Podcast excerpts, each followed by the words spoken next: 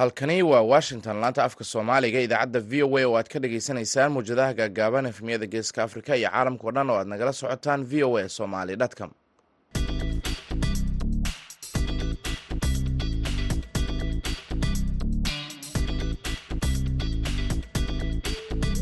duhur wanaagsan dhegeystayaal waa maalin talaada ah. Bisha disembar waa labaatan sanadka labada kun iyo labaiyo labaatanka. Afrikada bari saacadda waxay tilmaamaysaa kowda iyo barka duhurnimo idaacadda duhurnimo ee barnaamijka dhallinyarada maantana waxaa idinla socodsiinaya anigoo ah maxamed bashiir cabdiraxmaan.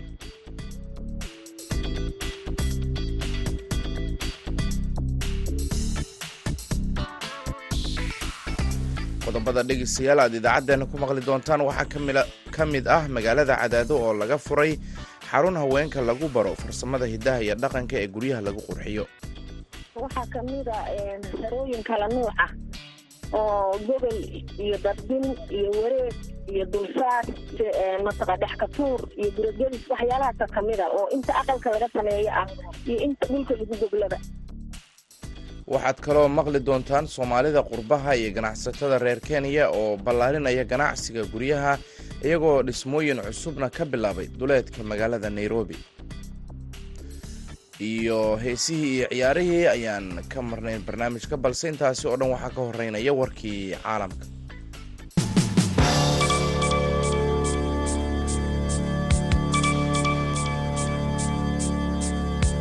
kooxo loo malaynayo jihaadiyiin watay mootooyin ayaa weeraray tuulo ku taalla waqooyiga baqhdaad saacadihii dambe ee isniintii shalay iyadoo saraakiisha dowladdu ay sheegeen in siddeed qof oo rayid ah ay weerarkaasi lagu dilay. Ma jirto cid sheegatay mas'uuliyadda weerarka laakiin deegaankan ayaa xudun u ahaa dagaalka ka dhanka ah kooxda daacish markii ay kooxdu ku fidsanayd dhul ballaaran oo ka tirsan ciraaq iyo dalka deriska ah ee suuriya weerarka ayaa yimid maalin uun kadib markii jihaadiyiin ka tirsan kooxda daacish ay sagaal sarkaal oo booliiska federaalka ah ku dileen. Weerar gaadmo ah oo ka dhacay gobolka kirkuug ee waqooyiga fog ee ciraaq. Duqa magaalada al khaalis ayaa u sheegay wakaaladda wararka ee ciraaq in kooxdu ugu yaraan waa koox uu ugu yeeray argagixiso ay saddex jiho ka weerartay tuulada abubali isaga oo sheegay in tuulada ay beeraley u badan yihiin ay dadkuna is-abaabuleen si isaga difaacaan weerarkaasi sarkaal codsaday in magaciisa aan la sheegin oo ka tirsan wasaaradda arrimaha gudaha ee ciraaq ayaa ku eedeeyey kooxda daacish in weerarkan ay ka dambeysay isagoo sheegay in dadka tuulooyinkaasi degan ay labadii kun iyo afar iyo tobankii unkeen maleeshiyaad ka difaaca dhulkooda mintidiinta daacish lix qof ayaa dhintay mid kalena waa uu dhaawacmay toogasho ka dhacday. Dhismo ku yaalla meel u dhow magaalada torono ee dalka canada waxaana dadka dhintay ka mid ah qof weerarka lagu tuhmayo inuu ka dambeeyey oo ahaa toddobaatan iyo saddex jir hubaysnaa oo lagu eedeeyey in uu dilay dad ay deris yihiin ka hor inta aysan booliisku isagana dilin. Booliiska ayaa sheegay in saddex ka mid ah dhibanayaasha ay ka mid ahaayeen maamulka dhismaha eedeysanaha oo lagu magacaabo francisco villi ayaa ku lug lahaa dacwad u socotay isaga iyo guddiga maamulka dhismaha sida ay wariyeen warbaahinta kanada oo soo xiganaya dukumentiyo maxkamadeed taliyaha booliiska waa booliis goboleedka york jim maxwin. Ayaa wariyaasha u sheegay in booliiska lagu soo wargeliyey nin hubaysan magaalada fogan oo ka tirsan gobolka ontario kuna taalla magaalada toronto duleedkeeda maxwen ayaa sheegay in booliisku ay eedeysanahan ku toogteen gudaha dhismaha dabaqa ah ee ka kooban lix iyo tobanka biyaano kadib markii la sheegay inuu dilay saddex rag ah iyo laba dumar ah haweeney lixdan iyo lix jir ah ayaa lagula tacaalaya cisbitaalka iyadoo qabta dhaawacaad u daran. Booliiska ayaa sheegay in dhibanayaasha lagu kala toogtay qeybaha kala duwan ee dabaqa oo aysan toogashadu hal mar wada dhicin. Warkii dunidana dhegeystayaal waa naga intaa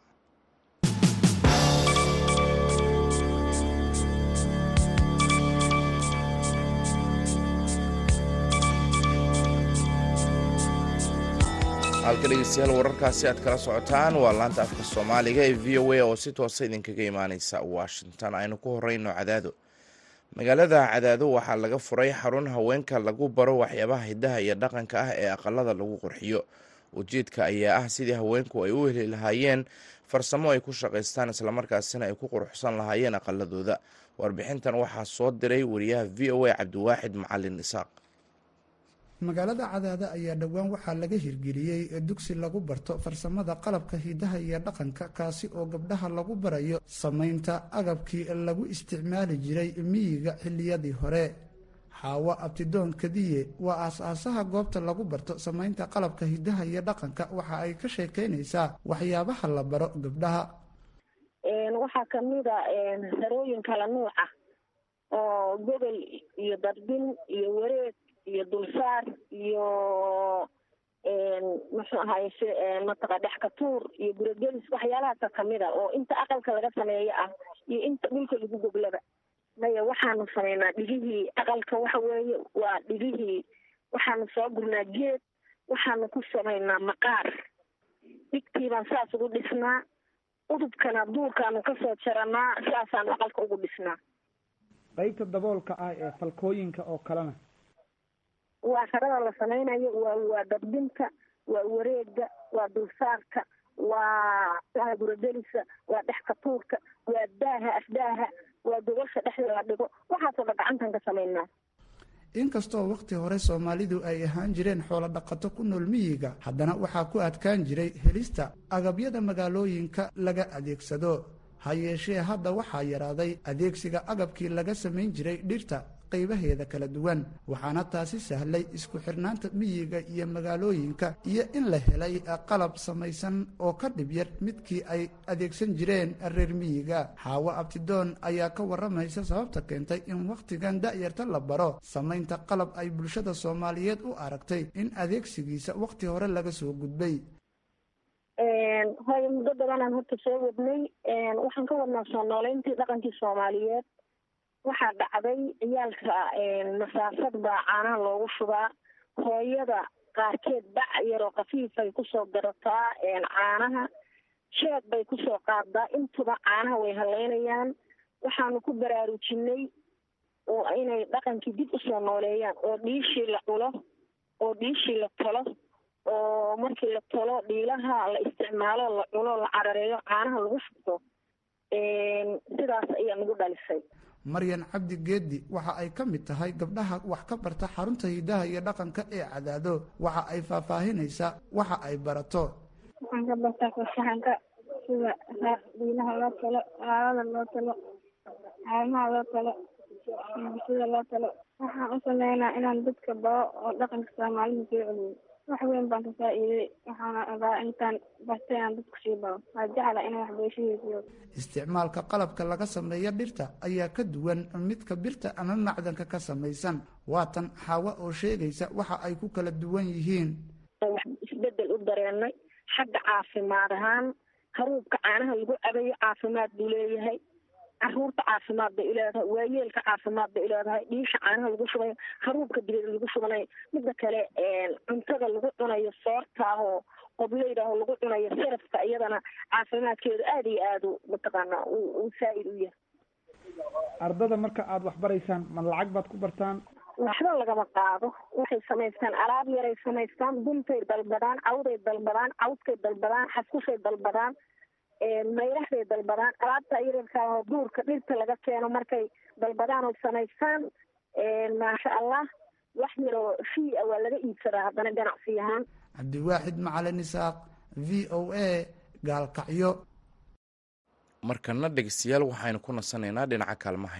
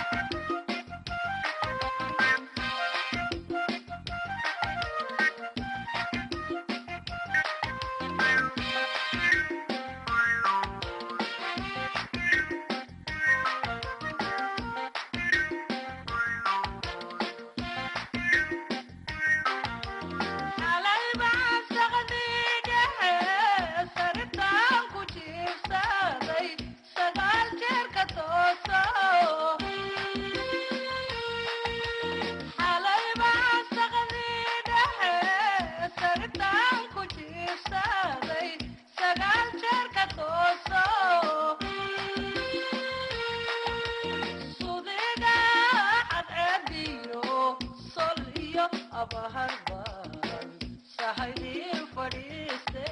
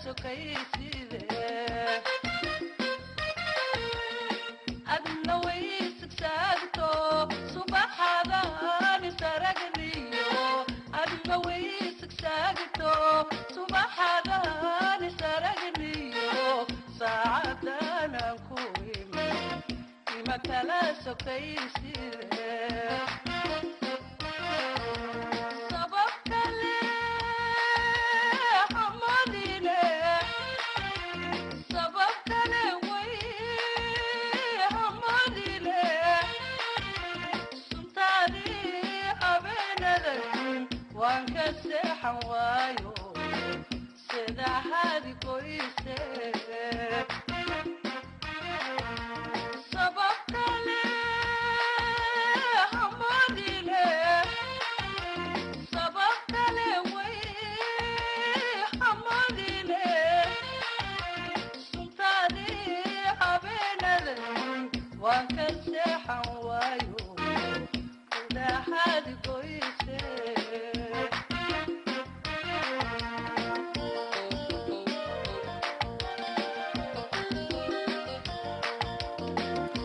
heystaasi codka baxsan ee hibanuura haddii intaas aynu ku dhaafno markana kenya. Shirkadaha ganacsiga soomaalida ee guryaha la degaansado ee dalka kenya ayaa bilaabay inay ganacsiga guryaha ay ku fidiyaan oo ay ka hirgeliyaan magaalooyin iyo xaafado hor leh oo ka baxsan xaafadihii horey ay u deganayeen soomaalida kenya gaar ahaanna magaalada nairobi sheekh liibaan cali oo ka mid a mas'uuliyiinta shirkadaha ganacsigaasi ka shaqeeya ee soomaalida ah ayaa sheegay in ganacsiga soomaalida kenya uu marba marka ka dambeysa uu sii horumarayo iyadoo qurba joogta soomaaliduna ay yihiin kuwa ugu badan ee maalgashanaya ganacsiga guryaha ee kenya. Sheekh liibaan ayaa magaalada nairobi ugu waramay wariyaha v o a ee nairobi khadar maxamuud xareed. Soomaalida ganacsigeeda horta aada buu u fidayaa kenya meelo badan ayuuna gaaray waxay ku tusaysaa in soomaalida kenya wax badan ay ku soo siyaadiyeen xagga ganacsiga iyo waxqabadka bulshada.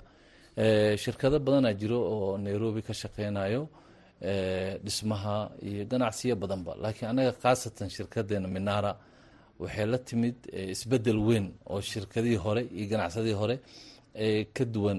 Maadaama markasta aan la socono baahiyada dadka imaanaya iyo waxyaalay u baahan so waxaan ku fikirnay inay helaan dadka dhismo dhismooyinka hore ka casriyeysan iyo qaabab qaababka hore ka duwan. Sidoo saasoo kale waxaan taarget ka saarnay islii soomaalida xaggee uga fiican ee markaas taarget ahaan ay degi karaan.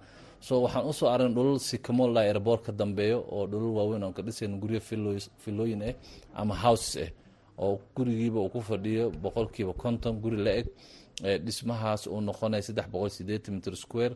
Haddii la isku daran kulli uu noqonaya afar boqol iyo konton mitr square. Waa shan qol iyo fadhi iyo qolka shaqaalaha oo isku go-an oo geedki iyo parkingki wixii dhan leh.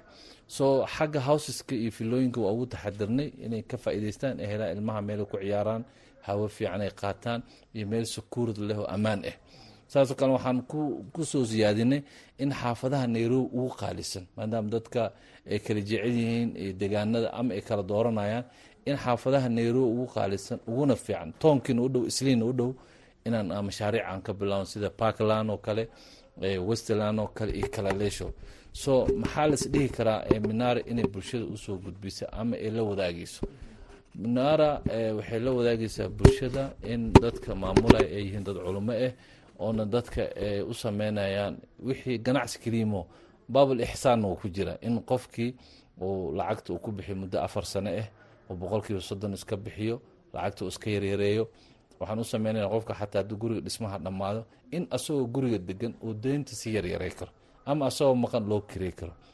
Midda kale maxaa agab ah guryaha loo sameynay anaga waxaan ku taxadirnay maadaama dadka walaalaha qurbaha ee soo hayaamaya soo guurayaan inay helaan meel ilmahooda waxbarasho ay ka helayaan siiba diiniga. Waxaan u sameynay madaaris waxaan u sameynay masaajid waxaan u sameynay inay ilmihii helaan jimam maadaama dad muslimiin aan nahay.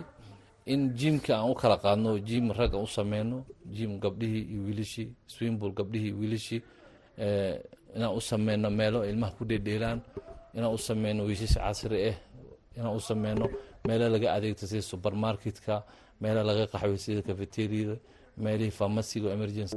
Aada ugu fidayo qeybo hor leh oo nairobi ka tirsan sida garoonka diyaaradaha jomo kenyatta nawaaxigeeda oo kale. Maxaa keenaya in ganacsiga soomaalida uu sidaan u fido oo horumarkan uu gaaro oo sida idinkoo kale hadda aad heerkaas gaartaan? Waxaa keenayo mar kasta shirkadaha waxaa la rabaa inay la socdaan baahida shicibka. So dadka waad ganacsi markaa ku jirto dadka ayaa markasta kula wadaagaa fikradahooda iyo taladooda so waa inaa markasta aad heli kartid qofka meeshuu u baahan yahay. Hadday u baahdaan guryo apartment inay heli karaan xaafaday xiiseynayaan. Hadday u baahdaan guryo houses ah inay heli karaan meelo magaalada ka baxsan oo buuqla oo degan oo hawo fiican oo fresh ay ka qaadanaya dhul waasaca ilmaha ku dhedheeli karaan ku socsoco kara sidaas ayaan ku fikirnay inaana magaalada dhexdeedna wax ka sameyno mashaariic. Magaalada geeskeedana sida airboort gadaashiis aan ka sameyno marka maxay maxay ku kala duwan yihiin dhulkan hadda aad mashaariicda ka wadaan oo dhisaysaan iyo dhulkii hore soomaalida ay u deganayd nairobi waxay ku kala duwan tahay waa og tahay dhulkan islii waa xaafadii islii. Hadda waxay noqotay meel ganacsi iyo meel cariiriya. Ma la heli karo in xaafadii iyo ilmihii isqaadaan so waa inay helaan dadka qoysaska waaweyn oo kale ama dadka ilmaha wato inay helaan xaafado waasica oo guryo filooyina gaagaaban habaysan bannaan leh hawo leh waasica si loo kala saaro degaankii iyo ganacsigii. Dadka ugu badan ee idinka iibsada guryaha soomaalida dhinacey u badan yihiin ma kuwii qurbaha ka yimid ma kuwii africa joogay soomaaliya dhinacee dadka ugu badan idinka iibsada dadka badan oo horta guryaha naga iibsada waxay u badan yihiin dadka qurbaha ka yimaado. Dadkii baraf baa dilay qurbihii way ku rafaadeen. So waxay u baahan yihiin meel ilmaha kula soo cararaan ay ku nastaan ay helaan guryo waasac. So adi ninety percent ilaa eighty percent waxaa u badan dadka qurbaha dad wadanka degan oo ganacsi leh oo ama meelo badan u shaqeeya wax naga iibsada waa jiraan adi bulshada qeybahooda badanba waxbay naga iibsadaan. Inta badan waxaa ganacsatada soomaalida ah lagu tilmaamaa in ay maalgashadaan waddamada dariska ah oo wadankii aysan ku soo laabanin soomaaliya. Ka warama soomaaliya iyo rajada aad ka qabtaan inaad maalgashataan soomaaliya waan jecelnahay waana ku fikirnaa. Insha allah haddana taargetkeena koowaad waaye inaan soomaaliya etoobiya iyo jabuuti iyo meelo badan aad tagno dadka macaamiisheenana inta badan su'aalahaas weyna weydiya. Laakiin waa og meel kasta aad mashaariic iyo ganacsi ka sameynaysid waa marka hore waxyaalaha ugu horreeya waa inay heli karaan dadka meel ammaan ah meel nabad ah meel qofkii uu ku soo ku soo hayaami karo. Soo soomaaliyana fikirka waan ku haynaa insha allah waana noqon doonaa dadka wax badan ka qabta insha allah soomaalida marka maxaa ugu baaqaysaa gaar ahaan kuwa qurbaha ee doonaya inay africa yimaadaan ama maalgashi ama guryo ka iibsadaan? Waxaan ugu baaqaynaa walaalaheena soomaalida ee qurbaha iyo meelaha badan ee caalamka kala joogo inay mar kasta ay ku fikiraan bini-aadanka waxay u baahan yihiin nolol waxay u baahan yihiin degaan waxay u baahan yihiin nabad. So in investment ay sameeyaan meelaha isdhahayaan nolosha wageela iyo amniga meesha hadda dhismaha ka wadnaba kenya boqolkiiba sagaashan. Hadda kenya waxay noqotay waa soomaali yare. Soomaali badanaa joogto soomaalida waxay ku leeyahay awood iyo ixtiraam iyo xushmad. So marka in kenya waxay awoodaan investment ku sameeyaan dee wadankoodana inay ka fikiraan dhismihiis iyo horumarkiis waa wax loo baahanya kaasina wuxuu ahaa sheikh liibaan cali oo ka mid a mas'uuliyiinta shirkadaha ganacsiga ee ka shaqeeya dhismayaasha ee dalka kenya wuxuuna u waramayey wariyaha v o a khadar maxamuud xareed. Daqiiqadaha idaacadda nooga dhiman bal aan idiin dul maro qodobadii wararka caalamka ugu doorka roonaa kooxo loo malaynayo jihaadiyiin watay mootooyin ayaa weeraray tuulo ku taalla waqooyiga baqhdaad saacadihii dambe ee isniintii shalay iyadoo saraakiisha dowladdu ay sheegeen in sideed qof oo rayid ah weerarkaasi lagu dilay ma jirto cid sheegatay mas'uuliyadda weerarka laakiin dadka deegaanka ayaa ahaa kuwa soo abaabulay kacdoon ka dhan ahaa kooxda daacish markii ay kooxdu ku fidsanayd dhul ballaaran oo ka tirsan ciraaq iyo dalka deriska ah ee suuriya. Weerarkan ayaa yimid maalin uun kadib markii jihaadiyiin ka tirsan kooxda daacish ay sagaal sarkaal oo booliiska federaalka ah ku dileen. Weerar gaadmo ah oo ka dhacay gobolka kirkuug ee waqooyiga fog ee ciraaq duqa magaalada al khaliis ayaa u sheegay wakaaladda wararka ee dalkaasi in ugu yaraan kooxdaasi ay sideed qof ku dishay tuulada albubali isagoo sheegay in tuuladu ay beeraley u badan tahay dadkuna ay iska difaaceen. Lix qof ayaa dhintay qof kalena waa uu ku dhaawacmay toogasho ka dhacday. Dhismo ku yaalla meel u dhow magaalada toronto ee dalka kanada waxaana dhintay mid ka mid ah dadka dhintayna waxaa ka mid a qof ka mid a waa qofkii lagu tuhmayey weerarkaasi oo ahaa toddobaatan iyo saddex jir hubeysnaa oo lagu eedeeyey inuu dilay dad ay deris yihiin ka hor intaa aysan booliisku isagana toogan. Booliiska ayaa sheegay in saddex qof oo ka mid a dhibanayaasha ay ka mid ahaayeen maamulka dhismaha eedeysanaha ayaa waxa uu ku lug lahaa dacwad u socotay isaga iyo guddiga maamulka ee dhismaha sida ay wariyeen warbaahinta kanada oo soo xiganaya dukumentiyo maxkamadeed taliyaha booliiska gobolkaasi ayaa sheegay in booliiska lagu soo wargeliyay nin hubeysan oo magaalada fangon oo ka tirsan gobolka ontario kuna taala banaanka duleed waa banaanka magaalada toronto. Maxwen ayaa waxa uu sheegay in booliisku ay eedeysanahan ku toogteen gudaha dhismaha dabaqa ah ee ka kooban lix iyo tobanka biyaano kadib markii la sheegay inuu dilay saddex rag ah iyo laba qof oo dumar ah haweeney lixdan iyo lix jir ah ayaa lagula tacaalayaa cisbitaalka iyadoo qabta dhaawac aada u daran. Mar kale ayaan dhegeystayaal ku laabanaynaa dhinacii kaalmaha